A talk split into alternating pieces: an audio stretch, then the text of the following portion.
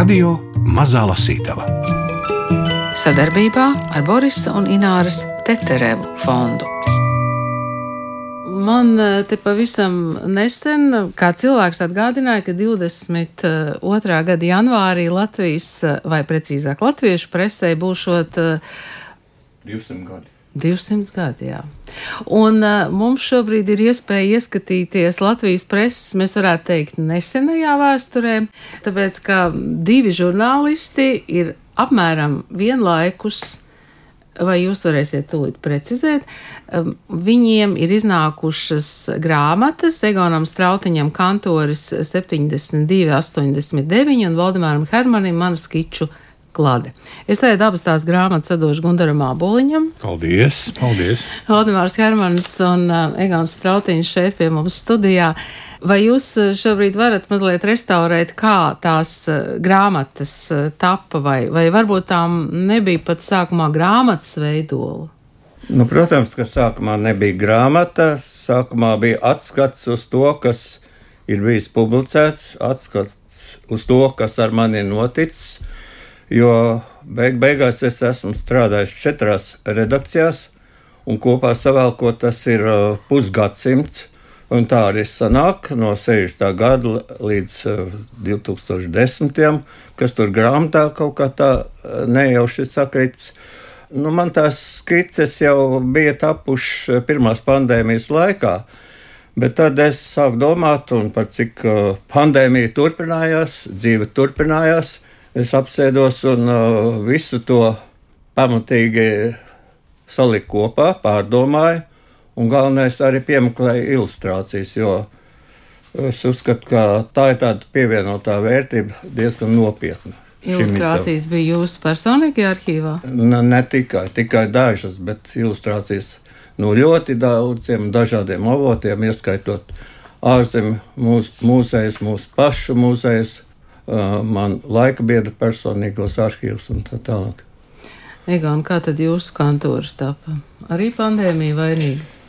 Negluži.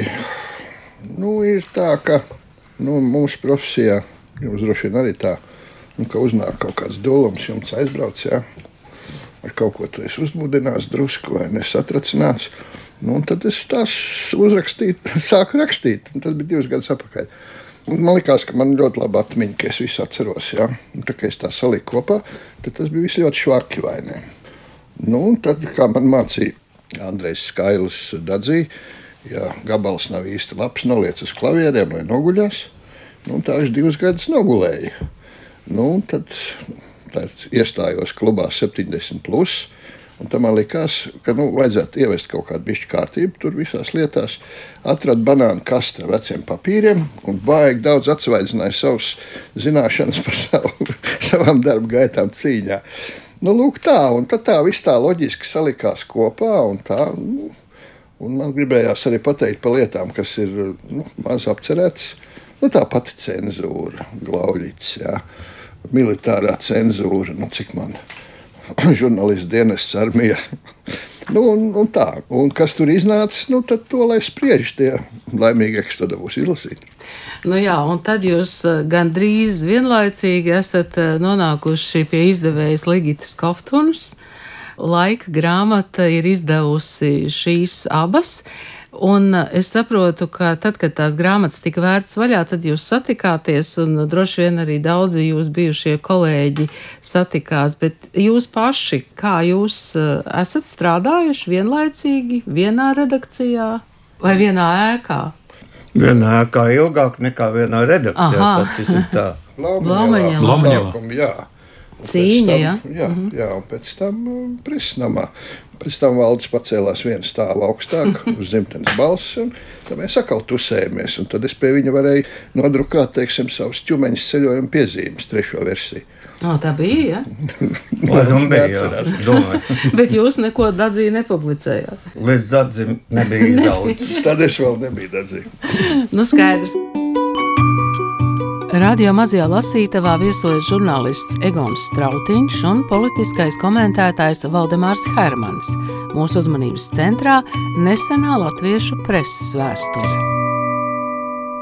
Tāda sakot, tie žurnālistikas ceļi ir gājusi šī krustu šķērsu, tur Nu, ir tā tad līkloči.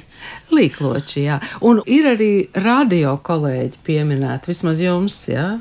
Rigo. Es ļoti augstu vērtēju to skolu, ko man deva Pauls Poks un Jānis Briedis. Ļoti augstu. Un es tā arī tur uzrakstu godīgi, ka viņi ir absolūti kompetentākie, kas bija padomu laikā, un pieļauju, ka tagad arī celtniecības lietās. Tā kā cepurnos šiem vīriem, nu es tur tā, kas trešais ritenis. Bet mēs ar Jāni un nu, ar Jāni galvenokārt līdz pat kaut kādam 89. gadam sēdējām cīņas zālītē. Piemēram, ar lieliem priekšniekiem spriedām, vai vajag Rīgā metro vai nevajag. Nu, Un tā tā. vienojāties, ka nevajag, jā? Nē, vajag, bet tur bija citas lietas. Ot, izlasīsiet, uzzināsiet. Es savā nu, dumjībā domāju, ja nebūtu bijis tas politiskais zemteksts, Alfrēda Rubika aktivitātes un viss, kas tur te nāks tie pūļi ar migrantiem. Ja viņš būtu iesākts, viņš būtu pabeigts. Un varbūt viena līnija arī mums noderētu tāpat taisno kaut kur no jūglas uz, uz aslauku vai kaut kur tā. Pirmkārt, tas bija prestižs jautājums pilsētā. Ja pilsētā ir metro, tad viņa jau ir nākamajā līmenī. Nu tā. un tāpēc arī cīnījās. Un tad sākās 86. gads, Gorbačovs te pārbūvēja vēl te kaut kas, ja? un tad sāk domāt, tur saimnieciskais aprēķins. Ja? Asars toreiz arī teica, nu, ko jūs domājat par piecām kāpēkām brauksim tur apakšā. ja? Jā, Gunārs Asars. Pilsētas galvenais arhitekts. Nē, katram laikam ir kaut kāda sava pozīcija. Nu, un, un pēc tam, teiksim, no ā, 30 gadu atstarp jau tagad ir ļoti viegli pateikt. Skaidrs, ka Bet- viņš nebija vajadzīgs. Bet par metro man maz piebildi, jo man ir viens gabals, viena skice, pareizāk sakot, par Taškentu. Taškentā top metro.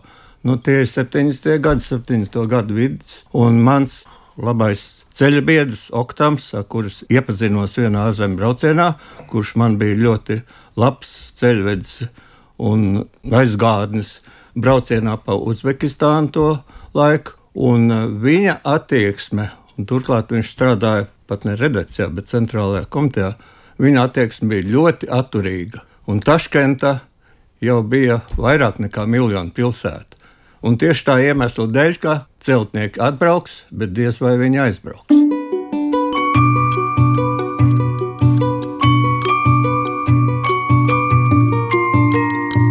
Radio Mazā Lasītava. Bet eh, jums, Hermaņa kungs, nācās diezgan daudz em, būt tajos eh, diplomātiskajos eh, gaiteņos, sarunās un tam līdzīgi. Un Tie bija jaunie laiki. Tie jā. bija jaunie laiki, jā, jā, jā. Kā tas bija? Žurnālists bija zināmā mērā arī diplomāts.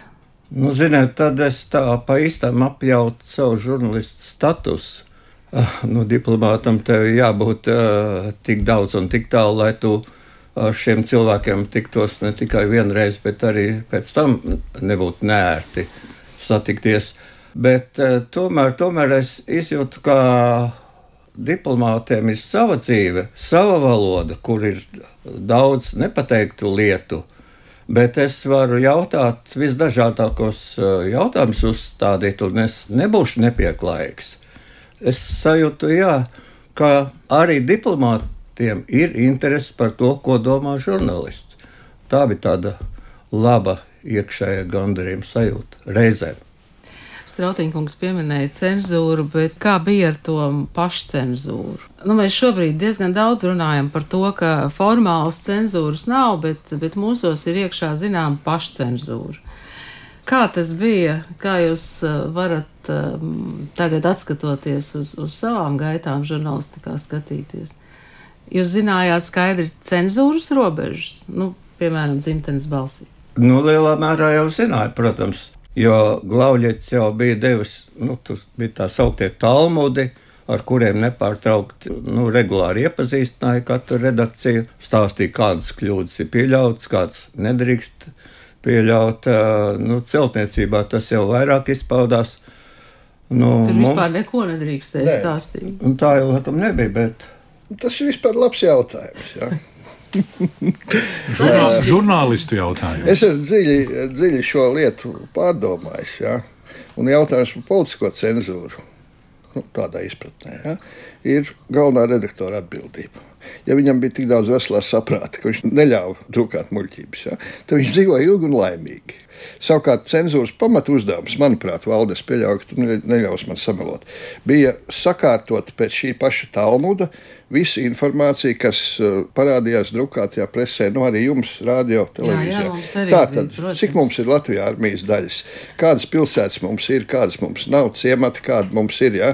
alūksni, cik es zinu, vispār tur zeltiņa nebija nekas tāds. Ja? Tā ir tīri militārā.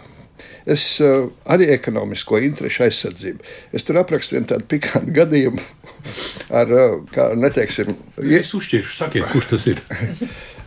Makšķerēšana tumšos ūdeņos laikam. Nu, tur ir uh, Satura radītājs, tūlīt atradīs makšķerēšanu tumšos ūdeņus. Tam taču jābūt. Rādītājs. par, ah, jā. manām, par manām gaitām Rīgas elektromašīnu rūpnīcā. Tas pašā sākumā, kāds trešais gabaliņš. laikam. Jā, ar makšķeri tumšos ūdeņos. tūdaļ, tūdaļ. Jā, tajos, tajos glavļu talmudos bija, piemēram, rakstīts, un, un katru reizi mēs kaut ko taisot, kādu redzējumu atklājām no jauna, ko nedrīkst. Piemēram, es atceros, ka bija eh, noteikts, ka nedrīkst saukt iedzīvotāju skaitu. Nu, piemēram, kaut kādā ciematā, lai nu, pateiktu, ka, piemēram, Dāngate ir tāds mazs ciemats, nedrīkstēja saukt iedzīvotāju skaitu.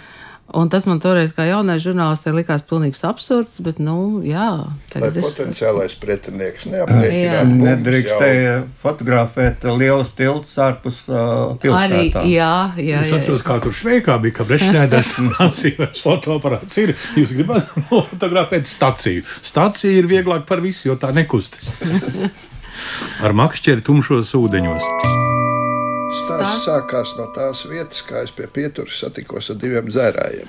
Turpat drusku tālāk, kā es apmeklēju rūpnīcu un ko es uzzināju, kā iegūst rezā kaņu, nu, kaņu ne konjaku, kā ražo. Nu, tie ir par VF un Alfa arī. Nē, nē, tas ir Pati lielākā profesionālā veiksme man to vakar uzsmaidīja jau tumsiņā māju ejot. Pie tramvaja pietūras divi manāmi ieskurbuši vīri izstāstīja, kā rūpnīcā paši par velti tiekot pie dzeramā. Pirmo reizi atklāšu to plašākai publikai. Ar centu separējot BF līmi, šķiet, padomi laikā tāda bija, veidot uz spirta bāzes. Jā. Ja tajā zampā ieliek metāla vārpstiņu, kaut vai garāku urbi, viss drāņķis satīnas tam apkārt un atliek šķidrumu notecināt. Nekāds konjaks nesot, bet lietot var, un neviens aklus arī nav palicis. ejam tālāk, cenzūra. Ejam tālāk. Cenzors atļauj.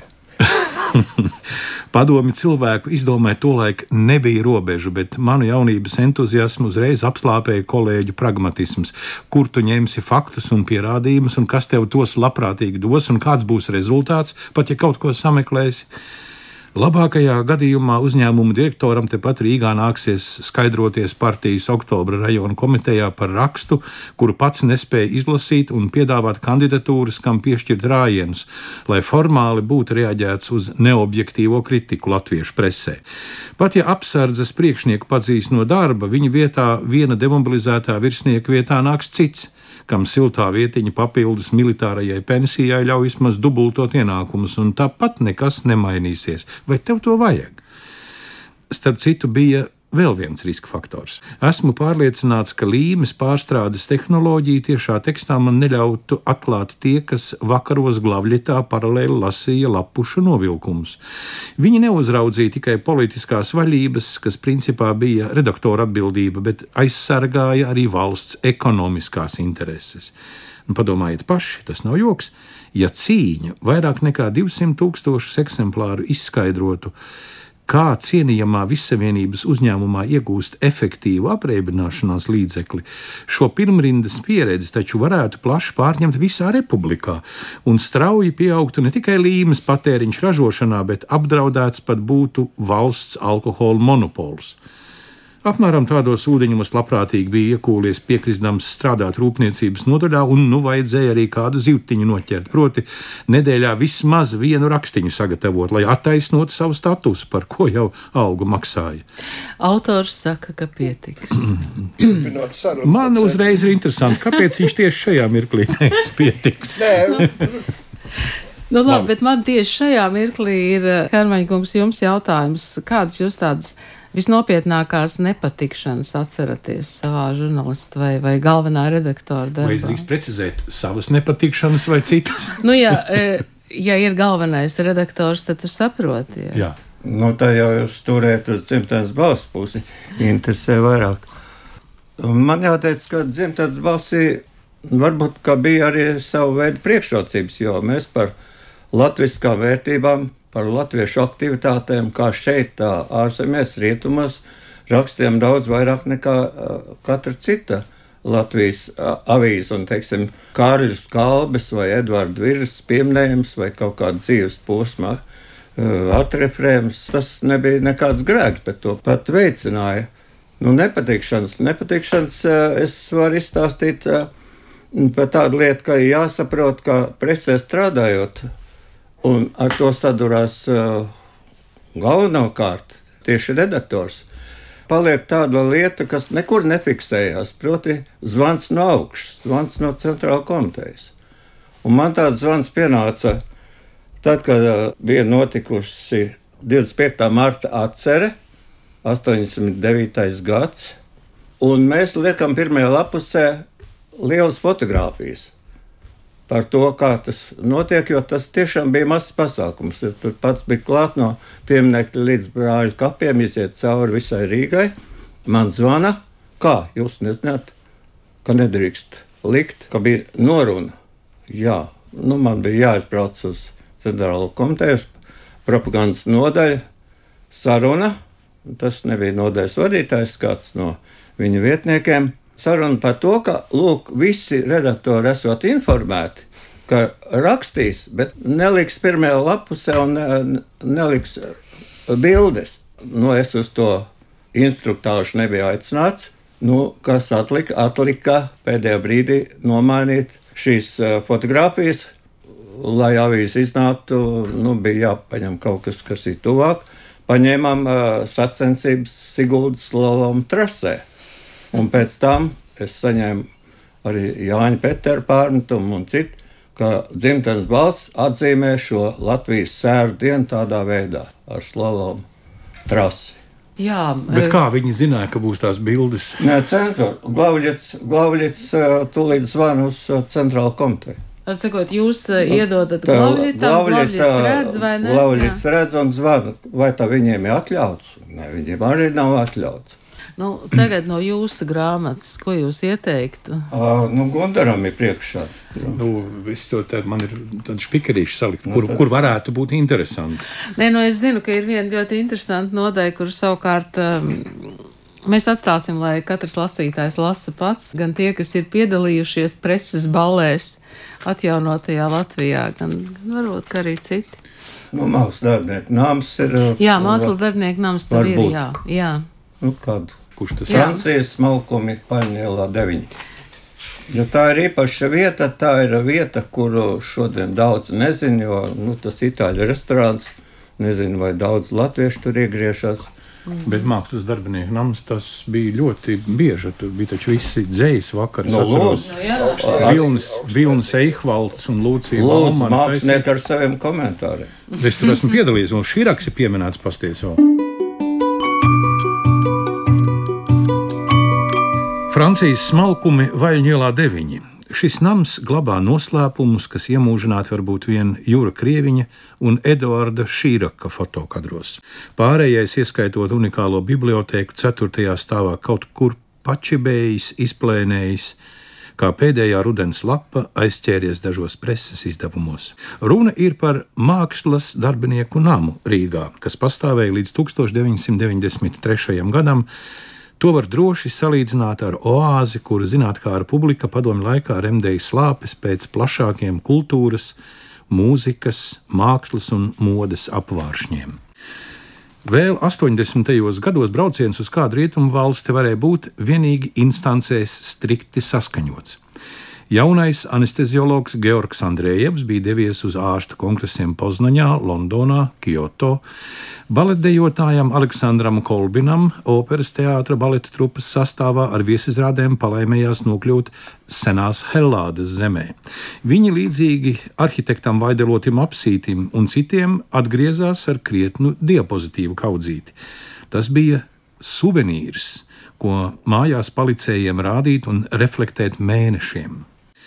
Šādus brīvākā gaisotnē iesvaidītus braucējus itin bieži aicināja uz mākslas darbinieku namu. Tur nāca un gāja mākslinieki uz radošiem vakariem. Pirmā stāva kafejnīcā varēja satikt kādu dzinieku, žurnāla dārzis, karikatūristu vai Hugo Diega rada gabalu. Mīdz romānu domāt? Droši vien. Otrā stāva zāle pareizē tika nodota dejotājiem mākslas darbinieku namu kultūras universitātes studentiem. Tieši šajā deju placī šo rindu autors satika universitātes beidzēju Vilķeles jaunkundzi, kura vēlāk piekrita ierakstam savā pasē Irēna Hermane. Spožāk titulētus viesus parasti sagaidīja mākslas darbinieku nama direktors Edvards Šīraks. Šaudīgs kā ūdens zāle, viņš palika arī pasākuma norises laikā. Kā pats atceras, sāku kā fotoamatieris, turpināju ar videokameru. Sākotnēji Edvardam nācies aizstāt fotomeistaru Juri Krieviņu. Gadiem cauri šo funkciju savienojas ar galantiem reveransiem cienījamai māksliniecei vai dārgajam jubilāram kas slēpjas aiz nevainīgās frāzes šī raka tējas vakari. Itin labi zināja arī Laimonis un Brigita Siliņa un citi latviešu trimdas kultūras darbinieki. Kādu sarīkojumu šajās sienās vērts īpaši atcerēties. Ārpusē sniegots februāra vakars, bet mākslas darbinieku namā pieteikta daudz sološa tikšanās. Lai aizpildītu mājīgo sajietu zāli, akustiski pietiktu ar Pētera Petersona, alias Runča varoņtenora balsi, taču šoreiz pie šī raka piezīmējies vesels ceļotāju desants. Varētu teikt, vēl viena franču grupa grupa. Atšķirībā no leģendārās un varas vajātās latviešu inteliģentu kopas, viņi tur paši bijuši. Viņiem laimējies tikt pie ārzemju vīzas uz valsti, kuru vidējais statistiskais mākslas darbinieku nama apmeklētājs parasti apbrīnojas vien attālināti caur ekrānu vai dejas faķīra Marcela Marso viesizrādēs Rīgā. Tikšanās to vakar definēta kā atskats uz Franciju 1983. Kultūras darbinieku grupu komplektējusi Latvijas un ārzemju draudzības biedrība. Krāsainu kadru ņirbu uz ekrāna vadītāja krāslos Jāzeps Barkāns un Māris Sauna, viens no Latvijas televīzijas, otrs biedrības runas vīrs. Brauciena dalībnieku stāstījumu es salīdzinātu ar krāsainu bumbiņu mētāšanu telpā, kur inerce un simpātijas pret franču zemi predestinētas, nu labi sacīsim, garantētas un ieprogrammētas režisors Pēters Petersons. Vanāju ziedoni pa Franciju kā tādu brīnumbērnu, kas neko nerunā. Kordiriģents Gido Kokars. Rīgā mēs nekad nedziedam tik labi kā ārzemēs. Modes speciāliste Ērika Pauzere. Sievietes Francijā kā modelētājas - nulle. Kino dokumentālists Jūras Podnieks Parīzē dzīve vērsta uz āru, latviešiem uz iekšu. Mākslas zinātnieks Imants Lansmanis. Saliekot kopā visas Latvijas pilis, sākot ar āraišu, mēs varam spīdēt uz Francijas fona. Dzēnieks Imants Ziedonis. Es biju muļķa lomā. Latvijai vajadzētu ražot mākslas priekšmetus un neko citu nedarīt. Es skatījos uz smalkumiem. Valdemāra Hermaņa, mana skiču klāde un Egona Strautiņa kantoris 72, 89, izdevusi laika grāmata. Sekos mūsu sarunas nākamā sērija, tajā par attiecībām ar Čeku, par ūmaņa krustdēliem un piedzīvojumiem Briselē.